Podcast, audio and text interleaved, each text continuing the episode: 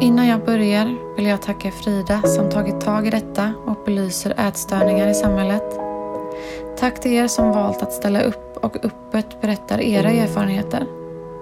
Berättelser som inspirerar andra och inte minst mig. Tack vare er vågar jag nu ställa upp här. Jag heter Nanna och det här är min historia.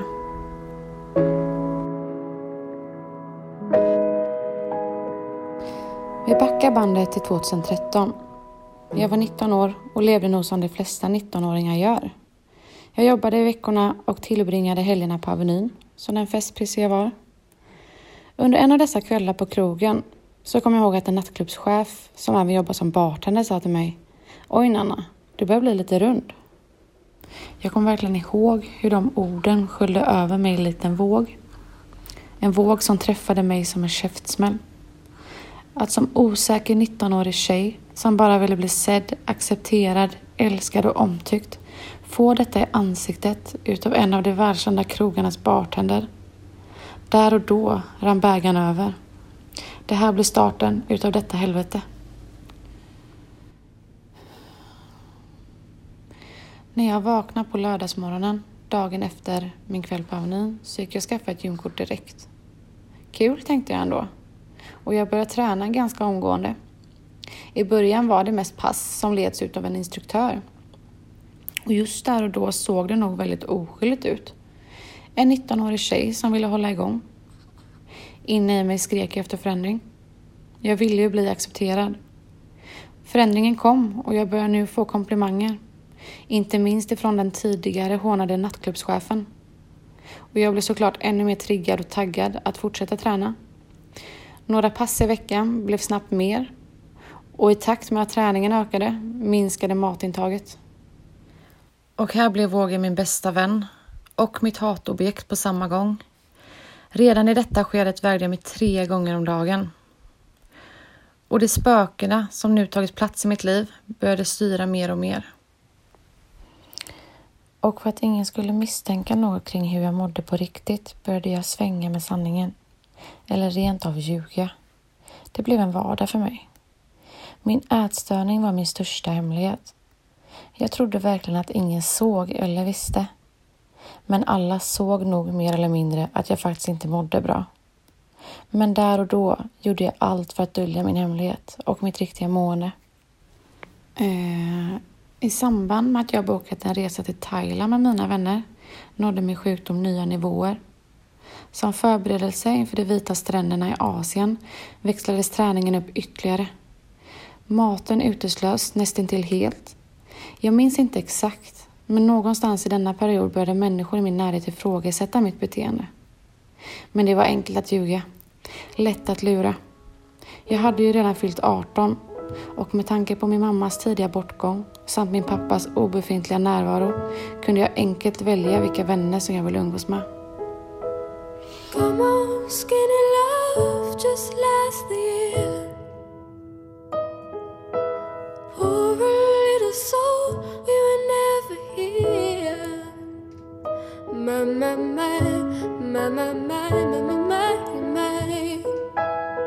Staring at the sink of blood and crushed veneer. Sista tiden i Thailand blev jag sämre och sämre. Utan mat i kroppen i 40 graders värme. Ja, kroppen sa ifrån.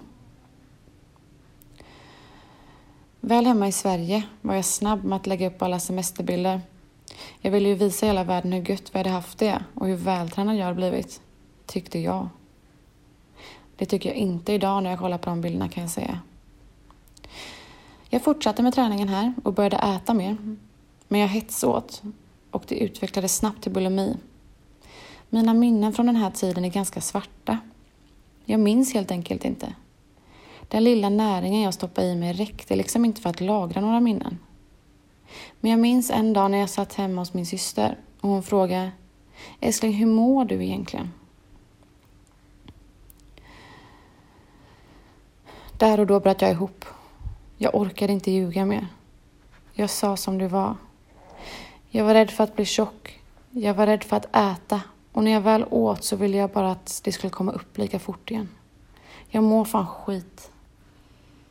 Sen kom dagen då min syster körde upp mig till anorexi och bulimimottagningen där jag snabbt blev inskriven. Möten började bokas in, men möten var inte rätt. Inte då. Min flykt fick bli ännu en resa. Allt kanske kunde bli bra om jag bara fick åka iväg en stund. Jag kanske skulle komma hem och ha lämnat mina demoner på andra sidan jorden. Min dåvarande pojkvän och hans mamma såg hela tiden vad som pågick. De gjorde vad de kunde, men jag var inte där då. Jag ville inte förändras. Jag ville inte ha hjälp. Men jag vill att de ska veta att jag är evigt tacksam för allt de gjorde för mig. Eh, resan blev allt annat än vad jag hade föreställt mig. Mitt sjuka jag kunde inte leva ut i min sjukdom. Jag ställde till med kaos och fick avbryta resan. Jag lämnade både vänner och pojkvän utan några förklaringar. Jag var så jävla självisk.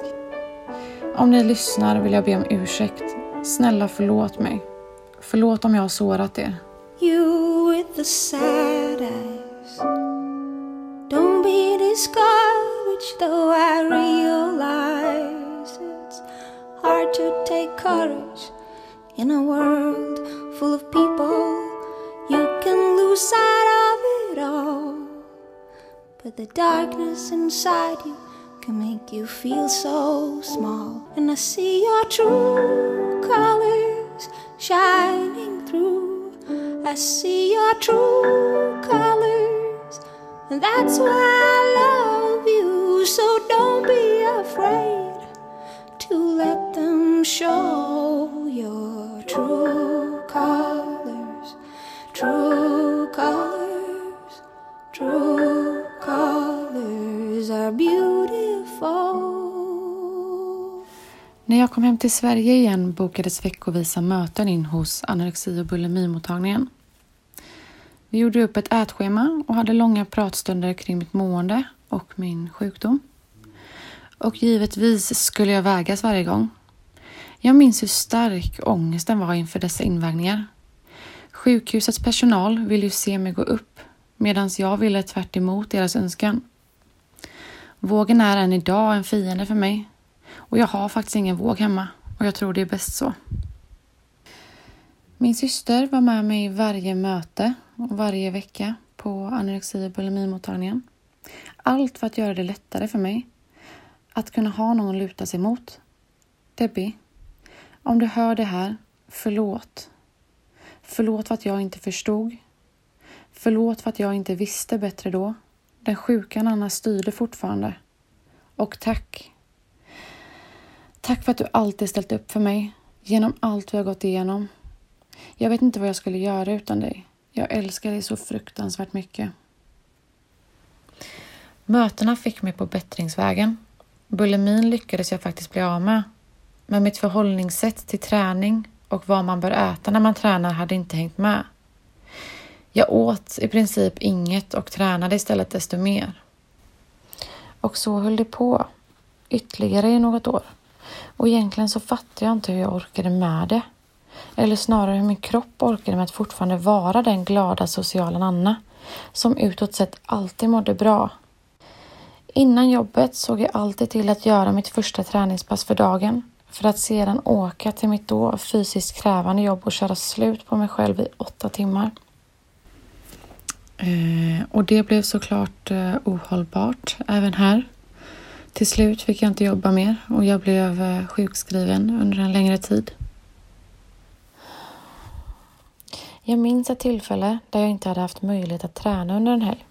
Efter en helg som var fylld med roligheter tillsammans med några vänner blev jag sjuk. Och med 40 graders feber, huvudvärk och en bakfylla släpade jag mig till gymmet där jag i mitt huvud var tvungen att springa bort hela helgens kaloriintag. Hör ni hur sjukt det här låter? Eh, jag har många gånger tänkt för mig själv, varför just jag? Varför blir jag sjuk? Och än idag har jag inget svar på det. Kanske kan det bero på min uppväxt. Att min mamma gick bort i cancer när jag var 11. Kanske kan det bero på någon dum kommentar. Kanske så beror det på dagens ideal och den kropphets som vi lever i. Jag vet faktiskt inte vad det kan vara. Men en sak är jag säker på Och det är att jag alltid kommer behöva jobba för att må bra.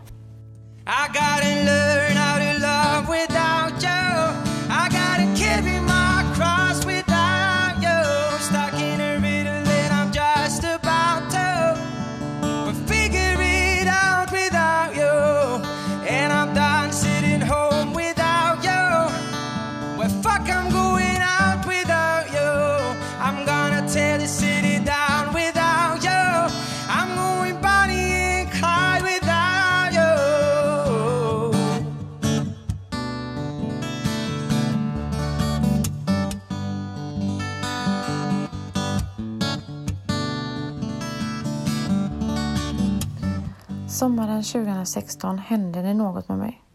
Jag växte verkligen som person och jag ville verkligen bli frisk. Jag var redo och jag hade verkligen motivationen. Detta var i samband med att jag träffade min sambo. Jag fann den tryggheten jag saknat under större delen av min uppväxt. Jag blev älskad för den jag är. Jag insåg ganska snabbt att jag behövde vara uppriktig och ärlig i vår relation. Annars skulle det liksom inte funka. Givetvis kom ångesten smygande då och då, men jag började äta. Jag gick från att träna i ett destruktivt syfte till att börja ha roligt när jag tränade. Det hade jag aldrig upplevt innan. Jag blev sakta men säkert trygg i mig själv och jag hade äntligen hittat tillbaka till mig själv och ett liv där jag var lycklig. Eh, I augusti 2018 fick jag tänka om helt. Det fanns något annat, något mycket större. Skulle jag träna för hårt eller gå tillbaka i oregelbundna måltider och destruktiva tankar så skulle inte bara jag och min omgivning skadas. Det skulle även skada det lilla som växte i min mage.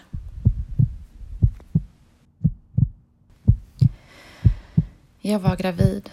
Lyckan var total och helt plötsligt fick mitt liv en annan mening. Det växte fram hos mig. Hela de ansvarstagande känslorna som smygande kom till mig. Jag minns att jag flertalet gånger tänkt, jag vill inte vara en mamma som inte prioriterar att må bra. Jag vill vara en mamma som mår bra inifrån och ut, som orkar och kan vara den bästa mamman som min son förtjänar. Jag tänker inte låta min son se på när hans mamma håller på med en 5-2-diet. För min sons mamma kan inte dieta. Lou är idag tre månader och jag har aldrig tidigare upplevt sån ren och skär glädje och kärlek. Man måste uppleva den för att veta vad jag pratar om. Jag har bestämt mig. Jag tänker alltid vara den bästa förebilden för mina barn.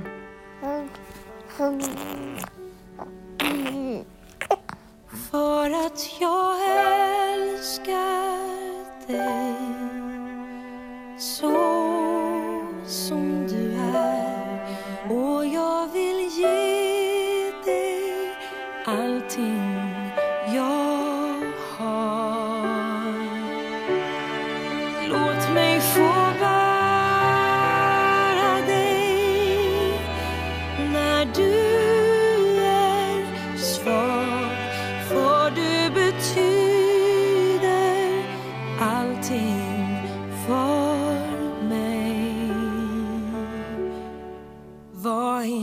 inte rädd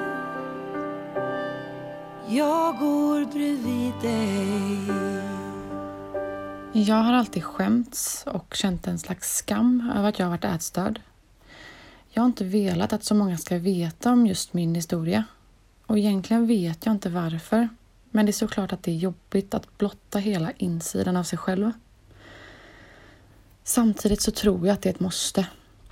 Och jag är så otroligt tacksam över att ätstörningar och psykisk ohälsa faktiskt börjar ta plats och ja, men som ett riktigt problem i samhället. För än så länge ökar faktiskt sjukdomen och då är det bara räknat på de personer som söker hjälp. Men jag har numera lovat mig själv att jag inte ska skämmas över min historia. Jag vill faktiskt kunna bidra till att folk vågar be om hjälp eller bara öka sin förståelse i just ätstörning. Jag skulle vilja passa på att hylla ett par personer i min närhet som jag inte hade klarat mig utan. Speciellt under mina tuffa år med ätstörning, när den var som värst. Till mina älskade vänner, vad hade jag gjort utan er? Tack för allt ni gjort och gör för mig. Att ni utan er vetskap har varit förebilder och alltid stöttat mig. Det betyder allt. Jag kommer alltid finnas för er.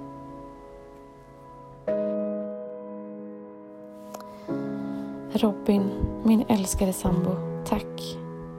Tack för att du gjort en stor del av resan med mig. Tack för att du orkat med alla mina utbrott. Att du alltid har hållit hårt i mig de gånger ångesten försökt ta över. Tack för att du lyssnade och tog mig på allvar. Tack för den tryggheten och närheten du alltid ger mig och att du är en som stöttar den partner som alltid vill lyfta mig. Tack för att du är en så bra pappa till våran son. Du ger oss den trygghet och kärlek som en familj behöver. Jag älskar dig.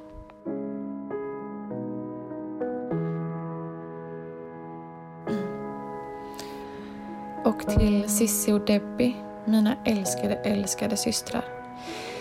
Jag hade ärligt talat behövt skriva en mindre bibel för att hyllningen till er skulle bli rättvis. Ni har alltid gjort allt för mig. Så osjälviska och omtänksamma. Jag är så lyckligt lottad som har er i mitt liv. Allt vi gått igenom, allt min sjukdom ställt till med, jag hade aldrig klarat det utan er. Jag älskar det.